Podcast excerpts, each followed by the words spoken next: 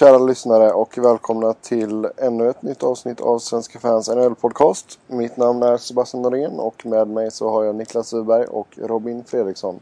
God morgon pojkar! Tjena tjena! Hej! Hej! Uh, hur mår ni? Bra som fan. Jo då, det fint. Härligt. Jo, uh, föga förvånande så är lockouten fortfarande igång och uh, vi har fått besked nu om att All-Star-helgen är cancellad också. Äntligen något positivt som ställs in. Woho! Ja, exakt. Fast det mest positiva av allting med den här lockouten det är ju faktiskt att uh, Jaroslav Spacek inte fick något kontrakt av Philadelphia som sägs ha varit intresserad av honom. Alltså sådär. Okej, okay, och eventuellt... Eh, eventuellt att eh, Landskog och Marie och de spelar Djurgården också. Ja, det skiter vi ju uh, Ja. Fast de börjar vakna nu Djurgården, när Challe fick lämna. Högst otippat för ja, oss som varit kritiska till honom. Väldigt otippat. Ja. Ja, nej men alltså vad ska jag säga, det har varit lite snack i veckan eh, och eh, spelarfacket lämnade ju fram ett förslag till ligan som ligan eh, tackade bestämt nej till på varenda jävla punkt. Fast det är ändå, alltså även om det var mycket domedagsprofetior och sånt när, när de tackade nej här så känns det ändå som att det var ändå en positiv utveckling. Eh, spelarfacket börjar nu för första gången egentligen prata i procent när de börjar förhandla. Eh, och då är de ekonomiska bitarna i procent istället för fasta eh, summor i dollar då så att säga vilket är betydligt mer rimligt och som jag tror är någonting som man på ett annat sätt kan eh, ge och ta lite av från båda hållen. Ja, det är klart. De menade sam, sam... en sak. Ja. Det var väl att de skulle ha tre år entry level. Mm. det var väl... Mm. Jaha. Bra gjort. Det är den enda jag är överens om. Ja. Nej men alltså det... Visst det är ju bra så sett men alltså när Batman kommer ut och säger bara vi ska nog ta en paus på några veckor. Man bara vad fan är det som händer? Ja, alltså det, det, det måste ju bara ha varit ett spel för galleriet och alltså på något sätt har Ja, alla vill ju starta... En, äh, ja. Alltså alla vill ju starta nu i mitten på december. Annars så är det ju bara att ställa in hela skiten. Mm. Ja, det var väl ingen tillfällighet direkt att matcherna ställdes in till den 14 december. Utan det har, det har ju pratats i princip liksom att kommer det igång så blir det den 1 december eller den 15 december. Mm. Det blir lite tajt nu med tanke på att de måste ju ha en veckas uh, training camp innan. Ja, det kan det bli. Men det, det är de själva som har satt sig i problemen. jo, det är sant. Nej men alltså jag kan säga jag är inte jätteoptimistisk. Jag har ju varit lite smått optimistisk under tiden här men nu... Nej. Alltså man vet ju liksom ingenting. Alltså det är så oerhört, alltså oavsett hur mycket man försöker läsa om det och sånt där så är det ju allt så oerhört kryptiskt och det är liksom spelarfacket säger att de snackade om en viss sak och eh, Batman säger att de snackade om en annan sak. Och det är väldigt sällan de är ens överens om vad de faktiskt har sagt på mötet. Nej, eller? Ja, det är ju jävligt uh, konfunderande också. Det är väldigt svårt att veta vad, fan, alltså vad som egentligen händer liksom. Och det, ibland så känns det som att det som läcker ut har de läckt ut med flit för att det ska läcka, alltså för att, alltså, ja, som förhandlingsknep liksom att just en viss grej ska läcka ut. Och det är, liksom, inget av det som sägs känns som man kan ta på riktigt allvar eftersom allt kan bara vara ett spel för gallerierna liksom. Nej, det är klart alltså det, det har blivit för mycket sandlåda i media. Uh, de bara gnäller ut så fort det går det minsta emot dem. Istället för att i princip stänga in sig i ett rum och förhandla till de kommit överens så så när de, när de är missnöjda med någonting så går de ut och ställer sig framför tv-kamerorna och framför journalisterna och så eh, gnäller de. Det vore intressant att se hur snabbt de skulle komma överens om de var verkligen instängda i ett rum tills eh, de kom överens. Ja. Jag tror att plockar man bort Gary Bettman och Donald Fair så skulle man nog komma överens rätt så tidigt. Vi hade ju en intressant snack här med eh, Roman Hammerlek eh, häromdagen där han går ut och är rätt kritisk för att använda lite snälla ord mot Donald Fair. Um, och där han säger att uh, ja, de, de, de, måste komma på en lösning nu annars liksom ska inte han vara kvar och kommer de inte på en lösning och säsongen kommer igång så så ska han definitivt inte vara kvar och det är skandal att det har varit så här lång uppehåll och han är rätt missnöjd om man säger så. Jo men bra, oavsett vad som händer, det snackade vi om i förra eller för ett eller två avsnitt sedan. Jag menar, oavsett vad som händer så borde inte han vara kvar. Nej, det håller jag med om. Eh, men det här är första gången som en spelare nämner någonting om det. Han har lyssnat på podcasten helt enkelt. det måste vara så.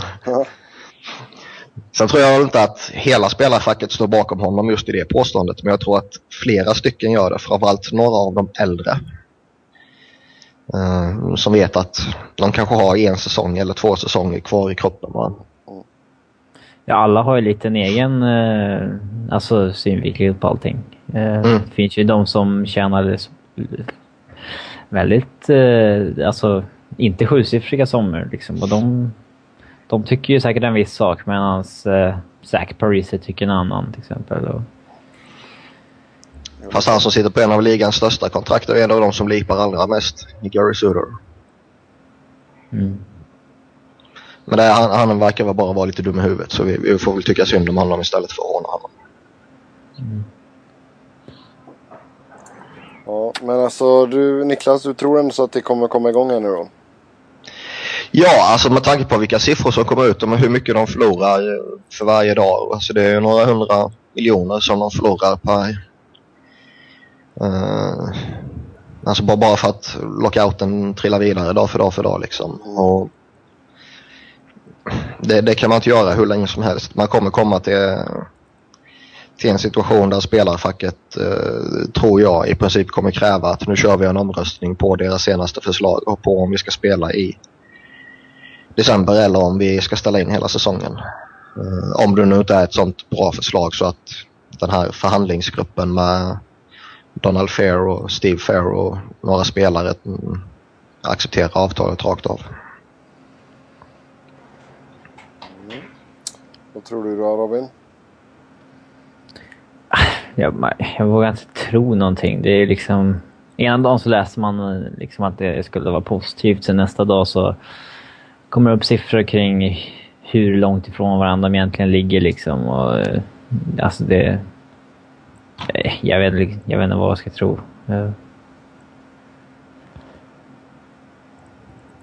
Ja, nej, som sagt jag är lite skeptisk till att det blir någonting. Men jag hoppas jag har fel. Du brukar ju ha det så du får hålla tummarna. Oj, oj, oj, oj, oj. så där ja, så där ja. Ja. Ja, har, har vi något mer att säga om lockouten här? Det är några andra spelare som har uttalat sig i diverse sociala medier. Ja, alltså det är rätt många som ger sig på Gary Bettman. Uh, Ian White kallar ju honom uh, idiot. Uh, men det var väl för två, tre veckor sedan tror jag. Uh, det var efter förra podcasten i alla fall. Ja. Mellan och sen gick ju... ja, Chris Verstig gick ut och kallade honom cancer. Mm, för hela ligan. Och jag menar det är väl... Visst, alla har väl rätt att tycka vad, vad, man vill men jag kan tycka att det är lite opassande ordval för att kalla någon. Ja, absolut. Även om jag håller med honom rent principiellt att Gary Bettman eh, med tanke på alla de jävla lockouterna som har varit inte direkt har har gjort sig populär på det sättet. Uh, så tycker jag att han, han förtjänar lite kritik och kommer kritiken från spelarna så uppmärksammas kritiken i alla fall. Mm. Uh, men man bör kanske göra det lite, lite, lite mer diplomatiskt än att kalla någon för cancer. Mm. Ja, det, det håller jag med om. Men uh, sen är det klart att det är väl det som är lite grejen också typ med alltså, Twitter och sådana grejer. Det är alltså Ibland kan någon... Du vet... Fylle-tweets? Ja, fylle-tweets. liksom, man tänker inte efter riktigt utan det bara... Man gör en Bisnasty. Go back to Sovjet. Eh, kom, ja, vad fan han skrev. Till Kowalczuk när han, eh, när det var allt snack kring hans första kontrakt som blev nekat. Go back to Communist Sovjet eller någonting. Ja, det, är smart. ja, då stängde Phoenix ner hans konto. Ja. ja, där ser vi ju i fotbollsvärlden också. och Även lite i, när det gäller svenska spelare. Farligt verktyg, Twitter. Men det är, det är kul att se. Jag tycker det är jävligt roligt. Men eh, som sagt, ibland så borde man ju tänka sig för. Men det är ju sunt förnuft. Och har, liksom, har man ett sunt förnuft då, då får man bara tycka synd om honom liksom. Ja. Ja, ska vi röra oss vidare då? Eh, vi tog ju upp ett par trader som vi gick igenom förra programmet och vi ska även fortsätta med detta nu, den, detta avsnittet. Och eh, nu har turen kommit till eh, tre nya spelare och vi ska gå igenom Joe Thornton, Chris Pronger och Ilja Kowalczuk. Jag tänkte att vi börjar med Kowalczuk. Och Robin, du får som vanligt dra detaljerna. Okej. Eh, det var ju helt enkelt så att han tradades från Atlanta till eh, New Jersey Devils eh, i februari 2010. Då var han ju på väg att bli en unrestricted free agent efter säsongen, så det brann ju lite i knutarna för Atlanta. De satt ju inte i samma sitt som Columbus med Nash där man kunde spela hardball direkt. Ehm, men eh, utbytet var väl sådär ändå. Det var eh, Johnny Odoja, Niklas Bergfors, eh, eh, Kanadas före detta JVM-kapten, eh, armbågskungen Patrice Cormier eh, och eh, ett första val i draften 2010. Och så med Kovacak skickades backen Anzi Salmela tillbaka till The Devils. Um, så att, alltså... Han har ju ett dyrt kontrakt, Kovacak, men de fick han rätt billigt när det gäller uh, i själva övergången.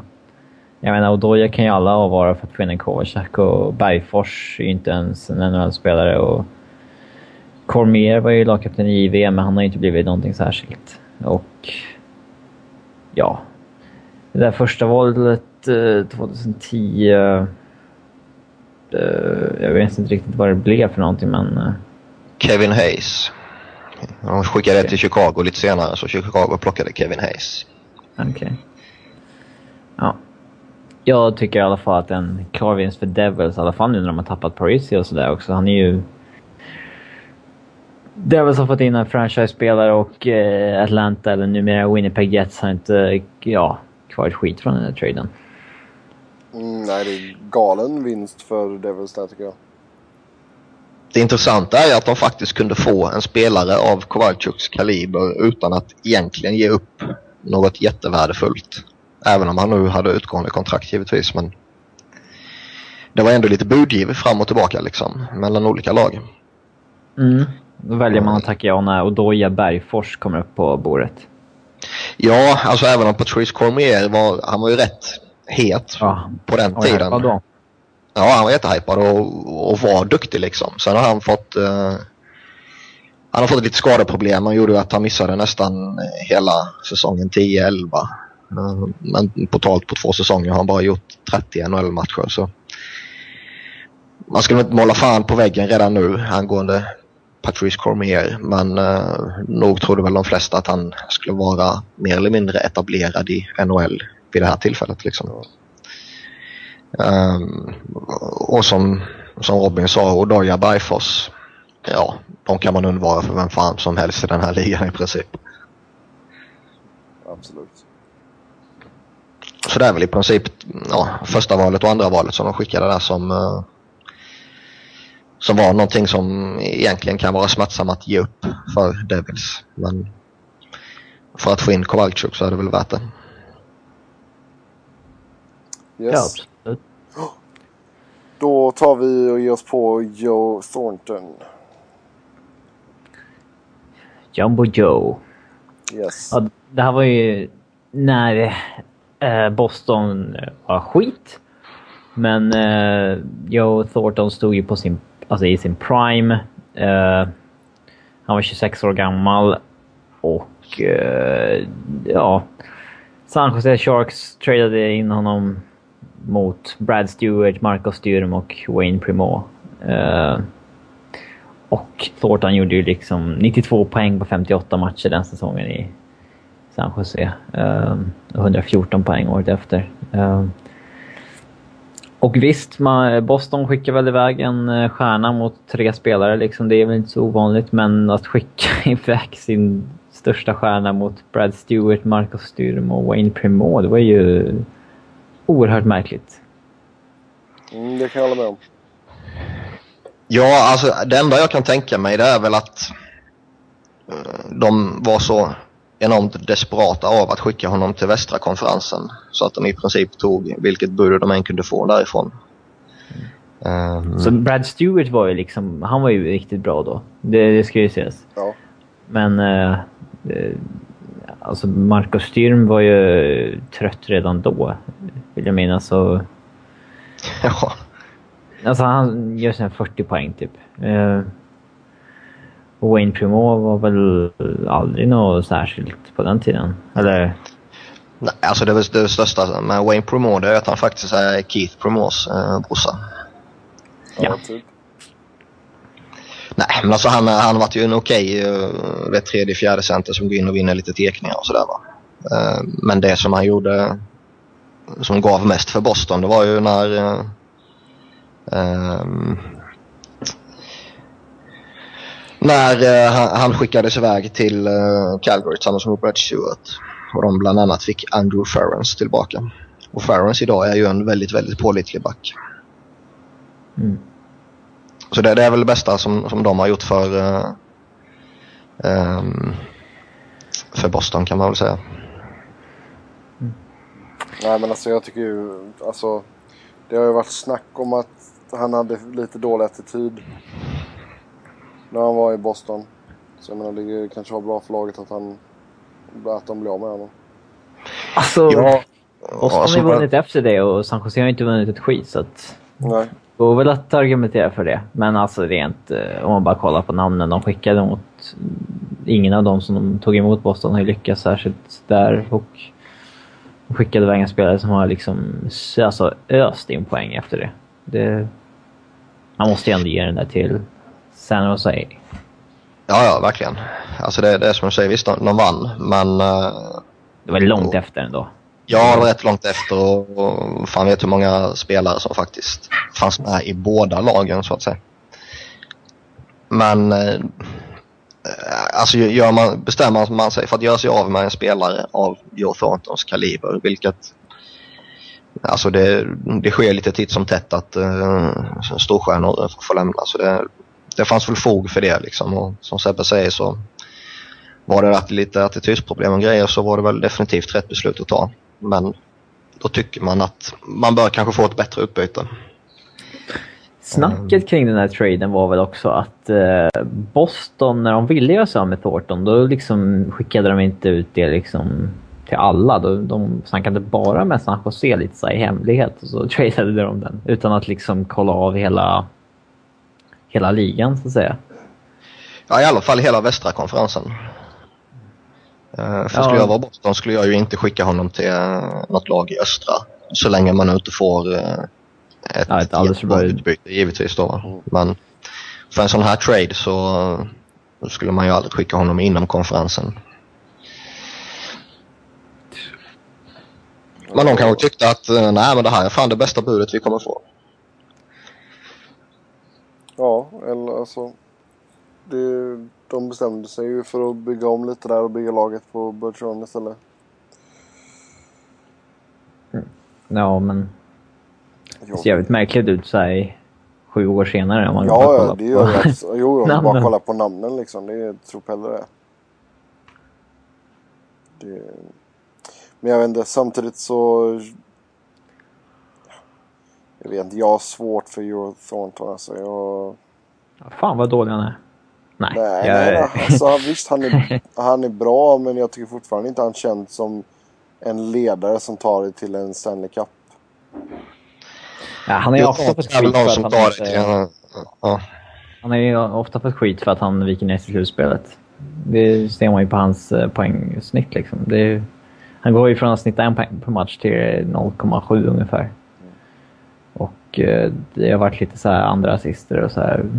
Han han har inte riktigt bärt laget så på samma sätt som han gjort i grundserien. Samma sak gäller med Marlowe i San Jose. Ja. Sådana spelare gillar man ju inte. Man vill ju ha sådana som kliver fram när det gäller som mest, inte Exakt. i grundserien. Så så är det med honom i alla fall. Så där säger vi eh, på pappret om man kollar namn för namn så San Jose. Men jag känner inte så att Boston vann på det i längden. ja. Ja. Då går vi på den sista och det är Chris Pronger. Okej.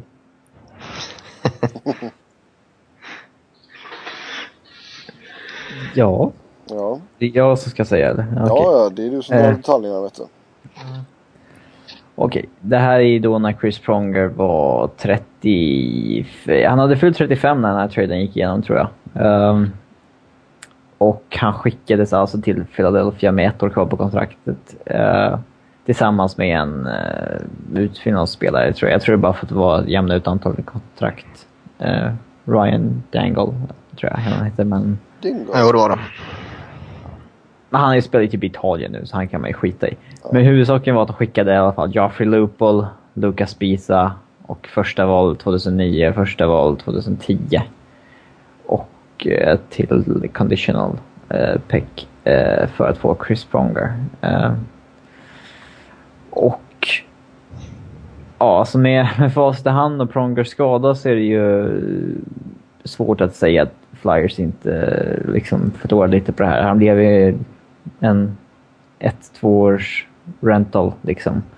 Uh, och Loopold har ju skickats runt en del men Lucas Bisa hade ju kunnat bli en mycket bra, eller han kan ju, han kan ju bli en mycket bra NHL-back och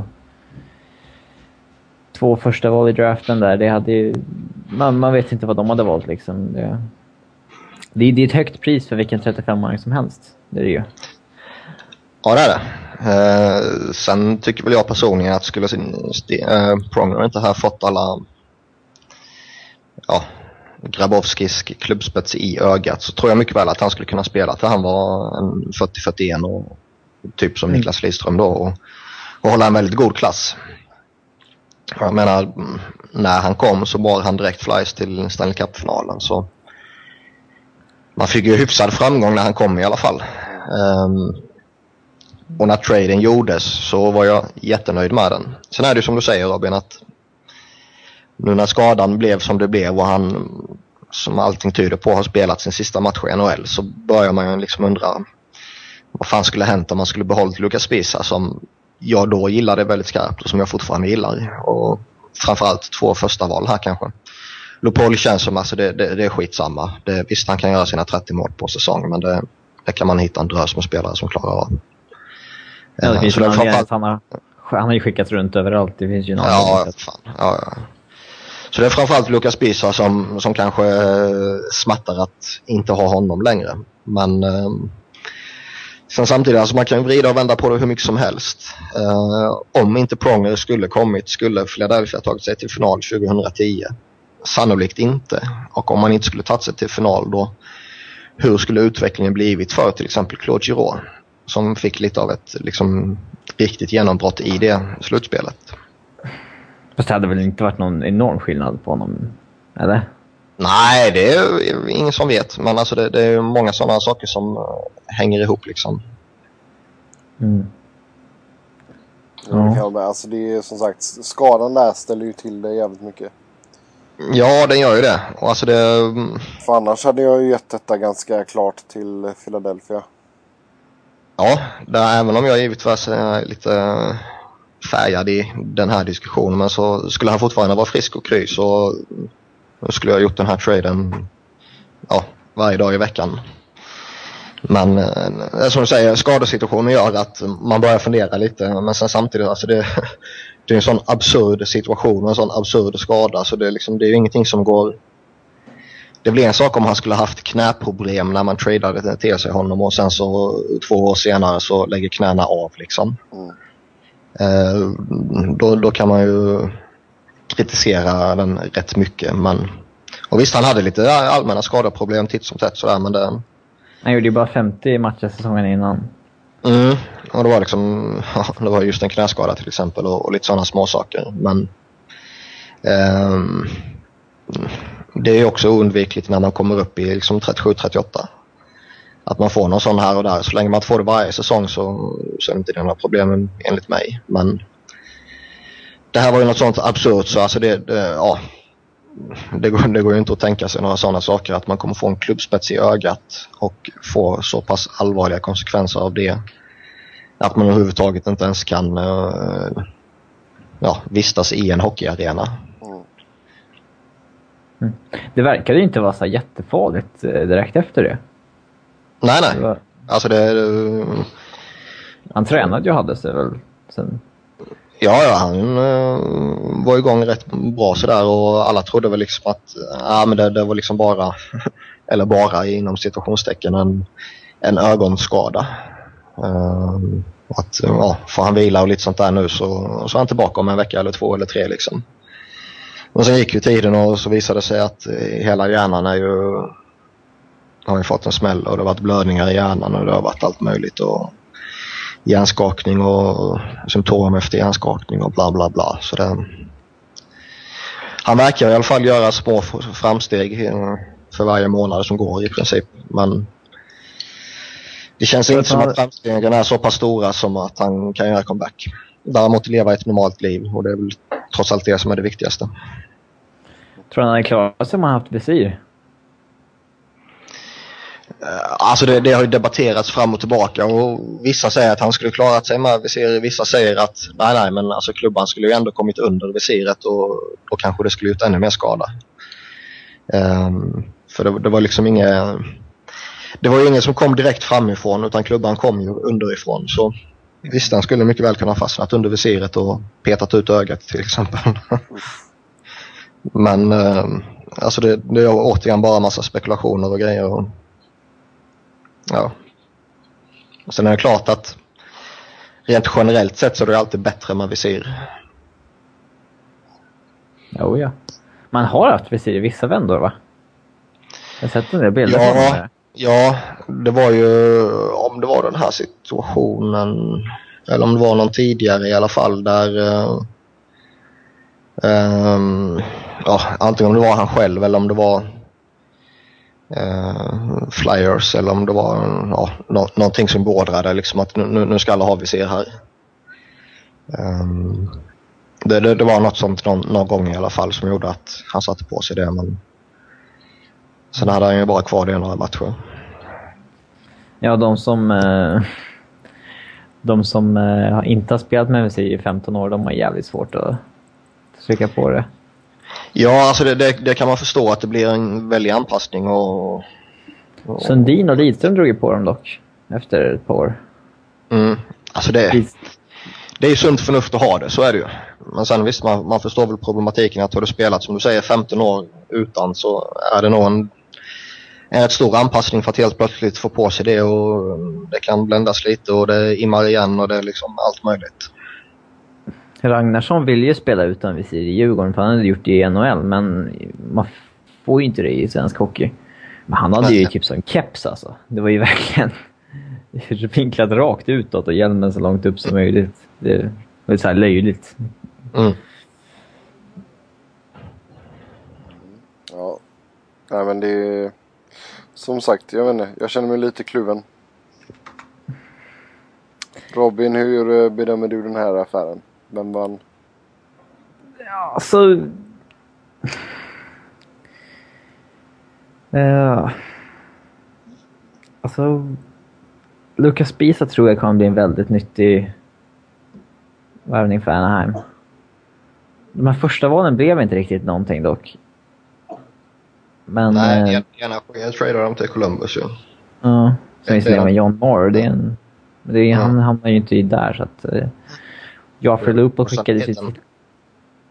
Joffrey Looper skickades väl till Toronto i utbyte mot Jake Gardner va? Eller var det två olika trades? När han skickades... Nej, det var Gardner och, och Lupol mot uh, Buscemi. Ah, okej. Okay. Mm. Ja, men... Eh, man kan väl säga att det var lite win-win för det, det, tog ändå Flyers till final och uh, Anaheim fick göra en liten rebuild på det där. Så att, uh, ja. Ja, jag, jag har väl med Robin att båda har väl gjort något positivt av den här traden. Um, så känns det väl som att Philadelphia gav upp mer för att få något positivt än vad Anaheim gjorde. Mm. Mm. Nej, jag får ändå så ge till Philly. I och med att de tog sig till eh, Stanley Cup-final där. Det låter bra. Ja. Yes. Då ska vi ta ut våra All-star femmer med spelare som är aktiva i detta nu, även fast det är lockout. Ja. Yes. Ska vi börja med våra målvakter? Vi börjar med våra målvakter. Vem har du tagit då Sebbe? Får man gissa på att det är en uh, göteborgare? Han är inte från Göteborg från början. Nej, från Åre. ja. Det är Henrik Lundqvist. Åh oh, fan. Jag vet att det är chockerande. Men uh, yes. King Henrik är min uh, målvakt. Och... Uh, ja, han är bra. Han är jävligt bra igen. Det är lite synd att han inte har haft ett lite bättre lag framför sig så han har fått visa rejält vad han går för i slutspelet bara. Jag tycker han gör, han gör en väldigt stark eh, insats i eh, Head Shoulders-reklamerna. Han, är jävligt, han är jävligt bra i dem. Framförallt den där längre intervjun med Schulman som är typ 3-4 minuter lång som ligger på Youtube. När han konstant tar upp Head Shoulders lite så diskret hela tiden. Det är fint. Han är, lirar gitarr också. Mm. Ja, men det, det, det ska man göra. Han har ju spelat ihop, ja, man har ju spelat ihop med John McEnroe vet jag, någon spelning. Ja, någon sån här charity-skit. Ja. Larv. Nej, jag Det är väl coolt. Fan, han kanske får... Jag vet inte, har han spelat på någon sån late night talkshow? Ja, jag vet han, han spelade gitarr när han var hos Filip och Fredrik i... Nej, för jag vet Kenny, Kenny Bräck, den gamla... Ja, men alltså, nu, nu hamnar vi för off topic. Jo, men han spelade ju i alla fall hos Letterman någon gång. Mm. Kenny. Ja. Yes. Kommer du den där kraschen han gjorde? Ja, fy fan. Han snurrade typ sex, sex varv på en ja, sekund. Helt galen. Det var tur att han klarade sig det. Bara själva stolen kvar av hela bilen. Ja. Ja, Robin, vilken målvakt tror du? Ja, um, jag har tagit Semyon Varlamov. Det, det, det har jag inte bara tagit för att han är utan för jag, jag gillar ändå hans eh, sexiga målvaktsstil med otroligt snabba otroligt snabba benskydd och eh, han, han är ju... Han är väl den enda i som har bättre räddningsprocent på straffar än på, i själva spelet. Spider Ninjan. Mm. Han är... Och där, det märks ju, man märker ju tydligt där vad som är hans styrka och svagheter. Det är, han är otroligt snabb med både plockhandske och benskydd och det är liksom stängt oavsett vilken dragning de försöker. Men det blir ju retur på allting. Och det är väl det som gör att det ramlar in en del puckar i i eh, matchsituationer. Men eh, jag, jag gillar ändå hans målvaktstid. Han kan göra enormt häftiga räddningar. Och det, det, vissa målvakter blir senare år, väl, eller senare år, men de som har kommit fram på sistone har väl varit lite för liksom, mekaniska och ja, bara blocka liksom hela tiden, skära av vinklar och så. Det, nej, jag, jag gillar Varley. Okay. Det är jävligt rolig också. Yes. Och Niklas? Briskalov. Nej. Du fan inte ta Briskalov. Nej, då, lägger, då lägger jag på. det är klart jag inte har gjort det. Lite, lite uh, självinsikt har jag faktiskt. Nej, eftersom uh, Philadelphias målvaktssituation har varit som den har varit de senaste 25 åren så, så har jag faktiskt uh, valt Henke Lundqvist också. Mm. Även om han spelar i ett smutsigt jävla lag så som svensk måste man ändå beundra honom så pass mycket. Yes. Det är bra. Då kan du kliva rätt på din första back där också Niklas. Ja, och jag tar ju ligans bästa back, Kimmo Timonen. Som är... Äh, ja, alltså... Jag hade väl ett gott öga för honom redan när han var i Nashville. Äh, jag, jag gillar lite mindre spelare som spelar betydligt större än vad de egentligen är. Vilket, ja, han kanske inte gör det nu mer när han är, alltså han är 36 bast och eh, 37 är han kanske till och med förresten.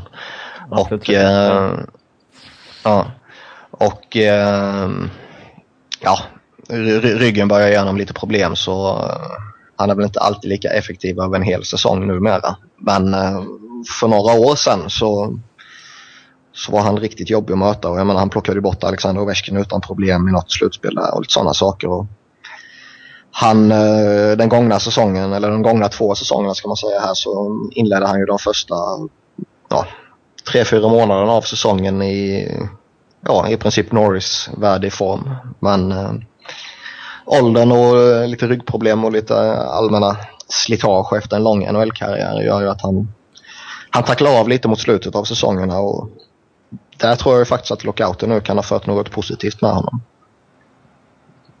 Eh, att han får vila länge och rehabilitera upp uh, ryggen helt enkelt. Så att han kan... Det kommer aldrig bli bra, men så att den kan bli så pass bra som den kan bli. Mm. Cellerna hade ju lagt av om det inte var för förra lockouten. Han hade ju enorma knäproblem där sista året i... Eller han spelade precis året före lockouten i Colorado. Eh, Fick han vila knäna hela året och då gick han in och gjorde typ 100 poäng igen. Och har gjort sen dess typ. ja. Yes, Robin. Din första back. Eh, ja, jag har tagit ligans på riktigt bästa back och det är ju då eh, Erik Karl... Nej, jag ska. Det är Shea Webber. Uh, han tycker jag är bra. Mm, han är duktig. Han är mycket bra. Um, Ja, men jag gillar att han liksom spelade...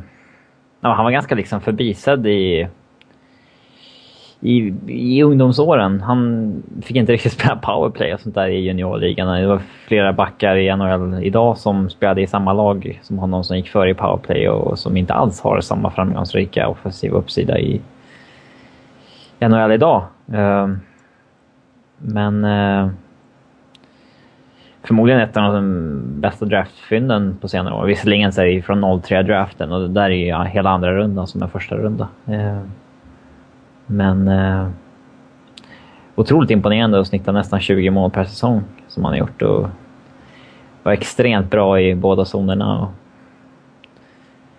väldigt sexig spelstil. Man smäller på och eh, hur bra som helst med pucken på samma gång. Yes. Vilket jävla kontrakt han sitter på nu. Till 2026. Ja. Där kan Nashville dra åt helvete och hoppas det går, de går under. Ja.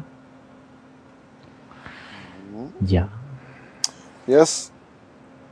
Då ska jag ta min första back. Det blir eh, Drew Doughty. Ja, för fan. Från LA Kings. Mycket trevlig spelare att titta på. Uh, nu hade han det ju lite uh, halvkörigt i början av den senaste säsongen här. Men det har ju att göra med att det var lite kontraktsbråk och lite sådär. Och han skippade trainingcampen och sådär. Men ja, han var ju jävligt bra i slutspelet och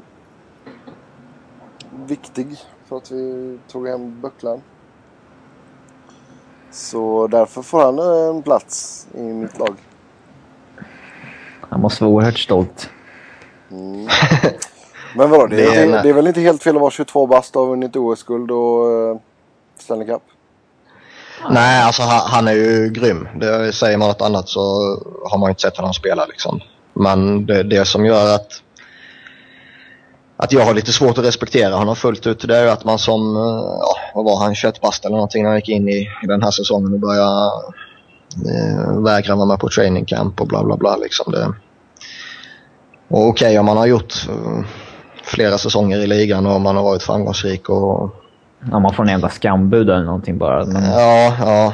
Då, då, då kan väl jag på något annat sätt acceptera om man blir förbannad liksom och, och vill, vill hävda sig. Men att göra det som någon 21-årig jävla hotshot, då, ja, då får man inte min respekt. Han var riktigt bra i OS 2010. Han är riktigt bra. Och jag menar, förutom de första veckorna på säsongen där när, när han uppenbarligen inte var i form rent träningsmässigt så, så är han ju väldigt bra. Så det kan man inte blunda för. Upp. Yes. Back nummer två, Niklas. Ja, jag satt faktiskt och tänkte väldigt länge på den här. Och eh, jag var väl inne på allt från Shea Weber till eh, Chris Pronger till eh, ja, en drös andra. Men sen slutligen landade jag faktiskt på Braydon Coburn. Uh, och det kan man väl kort och gott säga att uh, ja, har man fostrats av Darren Hatcher, Jason Smith, Kimmo Timonen och Chris Pronger så har man fått det bästa av alla möjliga världar som finns att få. Tradefynd? Verkligen. Uh, en av de positiva bitarna av den här katastrofala 06-07 säsongen. Men eh, där vi eh, dumpade Alexej Shitnik till eh, Atlanta i utbyte mot Coburn rakt av. Och Shitnik var ju helt oduglig i Philadelphia och han var nästan ännu sämre när han kom till Atlanta. Men, han är så dålig som han låter alltså? ja, verkligen. Och Coburn var väl... Han var väl inte ens ordinarie NHL i Atlanta? Nej, nej, nej. Han har gjort upp och ner mellan farmarlaget och en av de sämsta lag. Liksom. Det... Ja, liksom... Visst, det första året i alltså slutet på 06-07 säsongen så gjorde han 20 matcher i Philadelphia och vad jag kan minnas från vad man såg då så var han väl, visst man såg att det fanns lite potential men ja, man tänkte väl att ja, ja, ja, för kittnick så räcker det om man får en spelare som kan gå in i, i tredje backpar och spela 10 minuter liksom.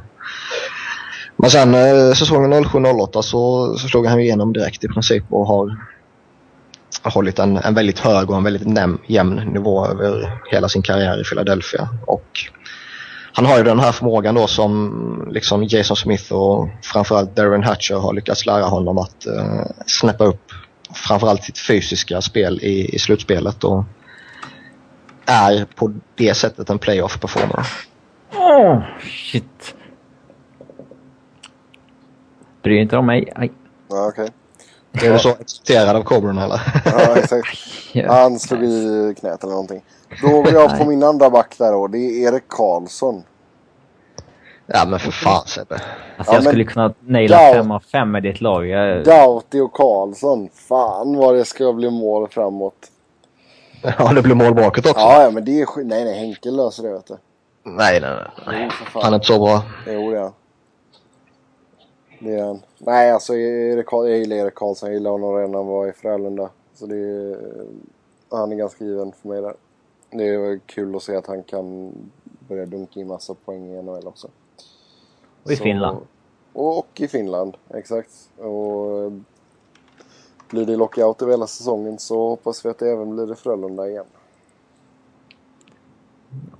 Nej, det vore ju fan... Det vore ju helt jävla underbart om både Erik Karlsson och Henrik Lundqvist kom till Frölunda. Fy fan vad gött det hade varit. Ja, men det, det är två extrema monsterkontrakt som ska försäkras.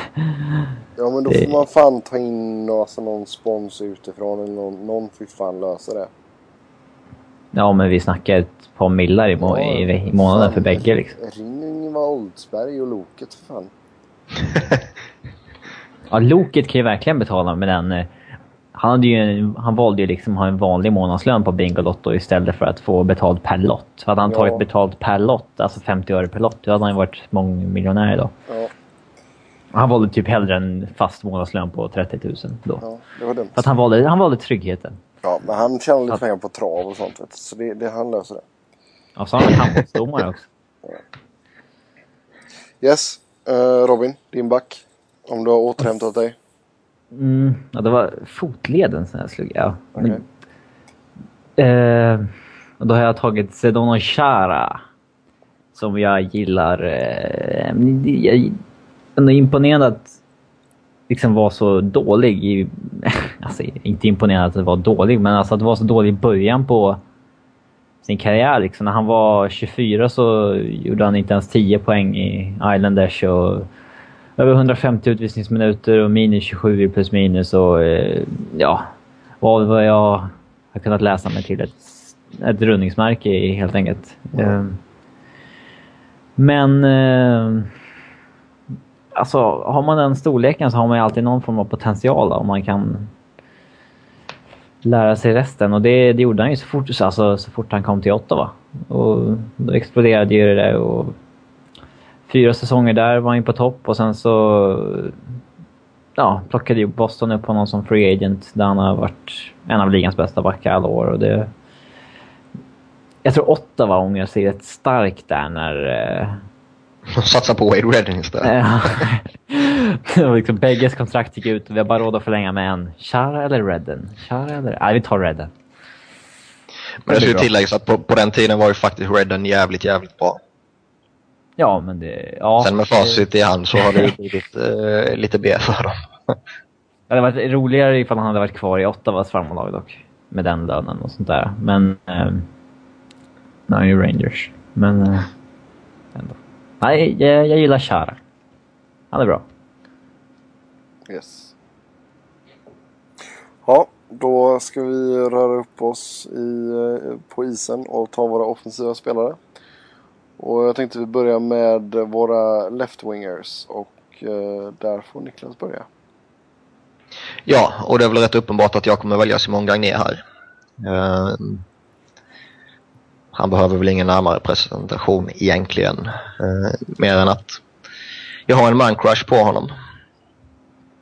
It's love. Ja. ja.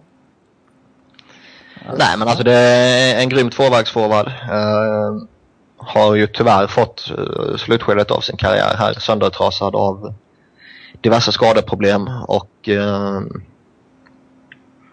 jag är ju väldigt, väldigt, väldigt, väldigt glad för honom att han fick höja kuppen med Kings här nu i den gångna säsongen. Mm, det gör med. Ja. Mm. Ja, men han, trä han tränade så jävligt hårt för att komma tillbaka.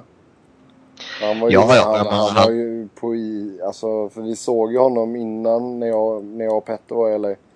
Så såg vi honom på träningarna. Han kom ju ut efter alla andra. Men han körde ju ganska länge ändå faktiskt. Oh ja. Jag menar det, med tanke på hur, hur, vilka problem han har haft så är det ju rätt uppenbart att han behöver vara 100% innan han kommer tillbaka för annars räcker det med en smäll och så är han borta igen. Det kanske det är oavsett men är han inte 100 så kanske det räcker med en liten lätt knuff bara så att säga. Yes. Ja, Robin? Ja, vilken left wing tror du jag har valt? Simon Gagné. Nej. Nej, men jag... Kan det vara Gabriel Landeskog kanske? Ja.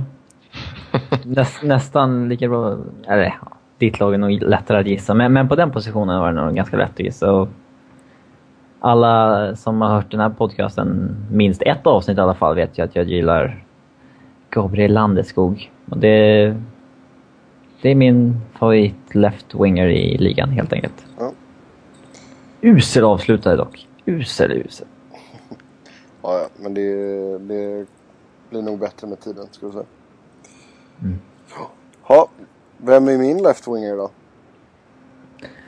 Ja, antingen så är det väl eh, Daniel Alfredsson eller så är det eh, någon Kings-snubbe. Fel, fel. Wrong, wrong, wrong, wrong. Jag har faktiskt tagit och pillat ut Steven Stamkos på min left wing. Ja, du kan ju inte fråga om en left wing då. Då blir. Ja.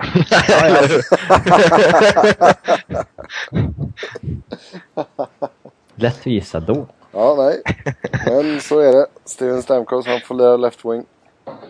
Uh, ja, sex, 60 mål förra säsongen. Behöver jag säga mer än så? Ja, men varför gillar just du honom? Det är väl det det handlar om. Det är just för att han är jävligt, han är ju så jävla bra på att göra mål. Han gör fem mål på allting. Så det är ju jävligt kul att se honom spela. Sen är det Jävligt... Jag jävligt förbannad på honom också. Jag är, för, jag är förbannad på Tampa för att de är så jävla dåliga. Ja, Man vill ju se...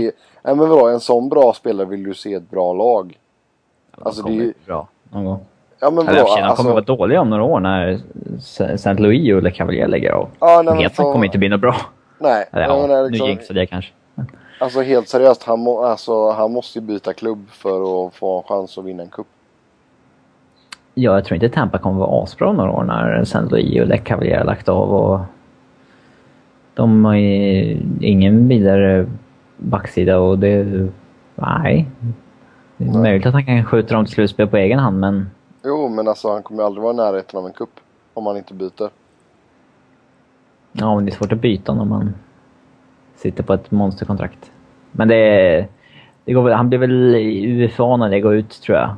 2016. Ja, då är det dags att byta. Han går till Rangers, som de brukar göra. Nej, för fan. Nej för fan. Fly, Flyers kommer buda på honom och kommer han gå och spela med Claude Giroux så kommer de göra 200 poäng var där. Ja, Jag hoppas han kommer till eh, västra konferensen i alla fall. Eh, men i alla fall, så Steven Stamkos. Blir min left winger. Då kliver vi på uh, right wingers. Och jag kan ta och börja där. Och där har jag pillat ut Tyler Seguin. Okej. Mm. Också Vad är så bra med honom då? ung, spännande spelare som också är jävligt underhållande att kolla på. Eh, jag tror han kommer bli en av de riktigt stora här inom ett par år. Mm. Så eh, därför är han med i mitt lag. Ja, jag gillar honom. Mm. Känns rätt, rätt komplett. Ja, Ja, faktiskt. Det är så. Så det är, det är kul. Han kommer gå från klarhet till klarhet. Så Robin, du kan ju ta din. Ja. Eh, ni kanske ni blir lite arga eller sådär, men jag, jag har helt enkelt eh, tagit The Great Eight. Ovi. Okej. Men För fan. Mest för att jag tycker att det har blivit så inne att tycka illa om honom. Och eh, han är ändå en enormt bra spelare någonstans i... Även om han har haft eh, lite tunga sista år i Washington. Men eh, en spelartyp som jag verkligen gillar, de här som tacklar och skjuter på allting och benen går hela tiden liksom. Men sen så har han ju sina nackdelar också. Det, det är få 27-åringar som sitter hemma på morgonen och spelar Playstation när mamma kommer in med frukost. Ja. ja, men vadå? Där är ju en kille som skulle behöva ett miljöombyte. Och då KL eller? Nej, Ja, alltså jag... mig. Antingen KL eller att han alltså på något jävla vänster kan bli tradad till någon annan klubb liksom. Fast det ska faktiskt bli jävligt intressant nu att se honom under Adam Oates. Ja. Eh, Ja, för det, det känns som att Oates är, har väl en filosofi om man ska gå lite till hur hans spelarkarriär var. Eh, där han vill ha ett offensivt och eh, hyfsat risktagande offensivt spel om man säger så. Vilket är det spelet som Ovechkin behöver spela på för att kunna göra sina 60 mål. Liksom. Ja, alltså har man Ovechkin i sitt lag som tillgång då ska man ju inte spela ett spel som håller honom tillbaka så pass Ja, mycket som Dale Hunter och... Men då ska man ju bara unleash him och Mm. låta han... Han ska inte spela 12 minuter per match som Dale Hunter hade om där ett tag. Alltså, det, var, det var jättekonstigt typ, när man går in i kaststatistik. Så om han spelar 12 minuter hade skjutit ett skott. Liksom. Jaha. Han ska ju spela typ 19 och skjutit 15-10 skott. Något sånt. Mm. Är den eh, snubben han ska vara. Och sen så gillar jag väl att han utnyttjar sin fysik också. Men eh, det gör han väl mest för att få ut frustration. Eh, alltså till skillnad från till exempel Kovacak som har samma fysik men han orkar inte utnyttja den. Nej. Han latar Yes. sig hellre liksom. Ja, han, men han konserverar energin till att göra mål istället. Mm. Yes, eh, Niklas. Mm. Jag uh, har valt en gammal gubbe här. Uh, nämligen Mike Knubel. Uh, som jag har den största beundran för. Och uh, ja, framförallt är det väl för hans prestationer under sina fyra säsonger i Philadelphia.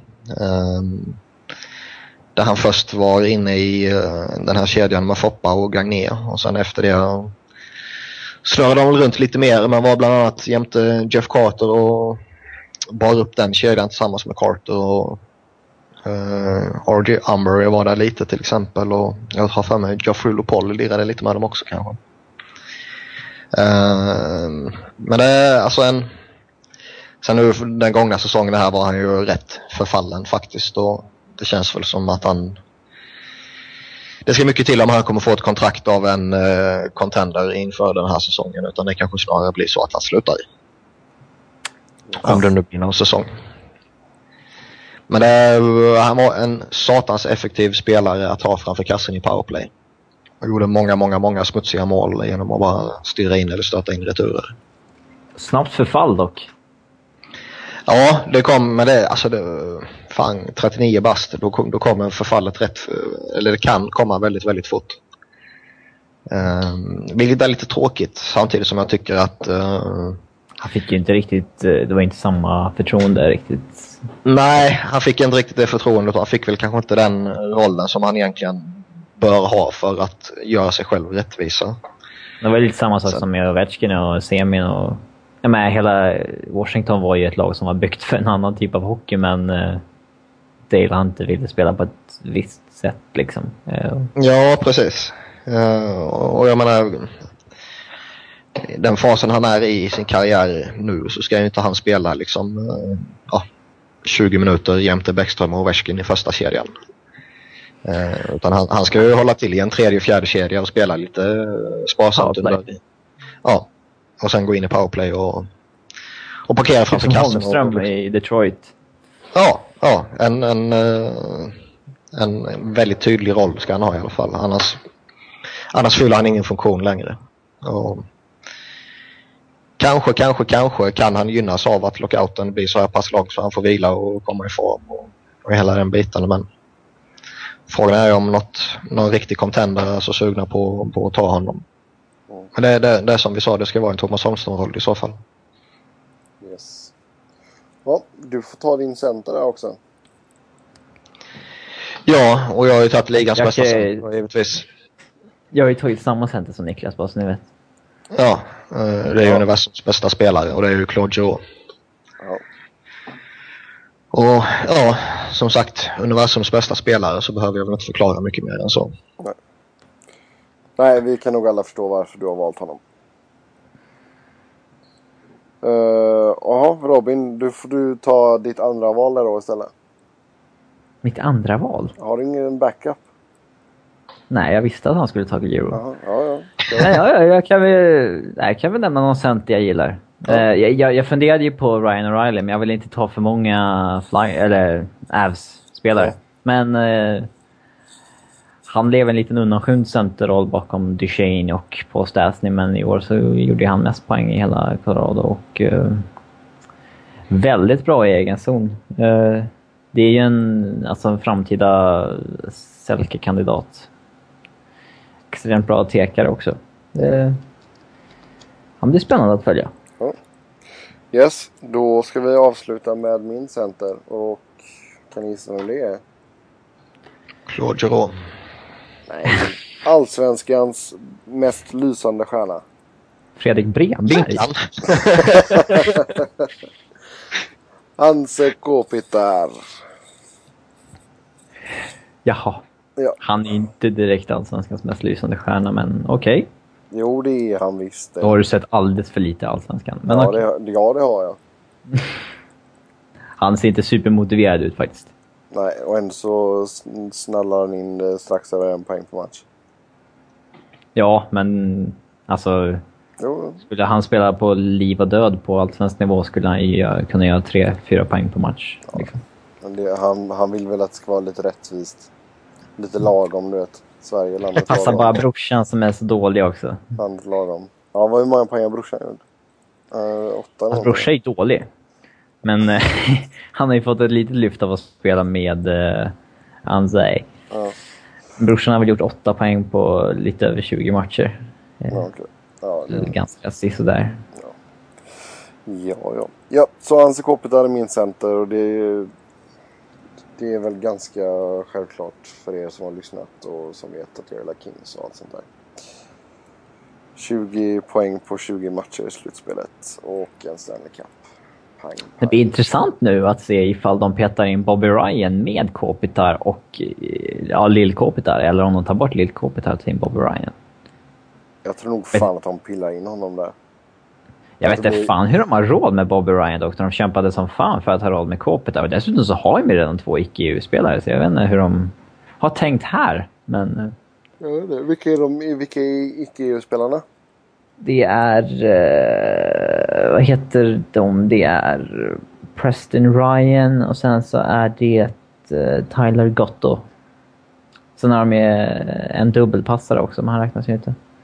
Men då får de väl ta... Bob Ryan kan det vara en dubbelpassare då. Kan han? Liksom ir, irländsk påbrå eller något sånt där. Jag vet inte. Ja, exakt. Han fixade det Så. nu i veckan liksom. Det var ju snack lite om det när Del Sotto skulle över, att det snackades lite om att han, han kunde ordna ett italienskt pass på några dagar om han ville. Så. Ja.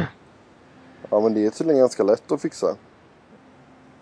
Ja, i Italien verkar det hur lätt som helst. Varenda jävla kanadensare som spelar i Europa har italienskt pass. Ja, nej, för jag vet att eh, en kompis till mig, hans, eh, hans flickvän, är, hon är amerikanska men hon är italiensk påbrå.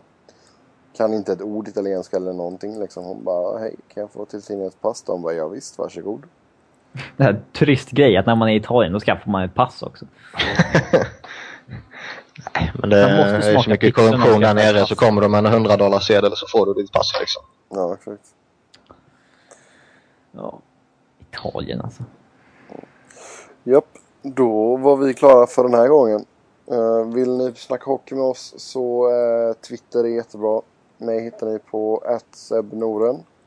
Niklas hittar ni på Niklas Wiberg, Niklas med C. Och Robin hittar ni på R. underscore Fredriksson.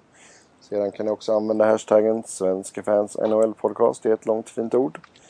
Eh, podden hittar ni som sagt på hemsidan svenskfans.com nol och även på iTunes. För er som har eh, frågat och undrat och sådär. Så nu ska den finnas uppe på iTunes. Så eh, då kan ni... Vad gör man? Man subscribar gör man. Så det kan ni göra. Så dimper den ner lite fint i iTunes. Tills nästa gång så har det helt underbart. Hej! Hej hej. Hej.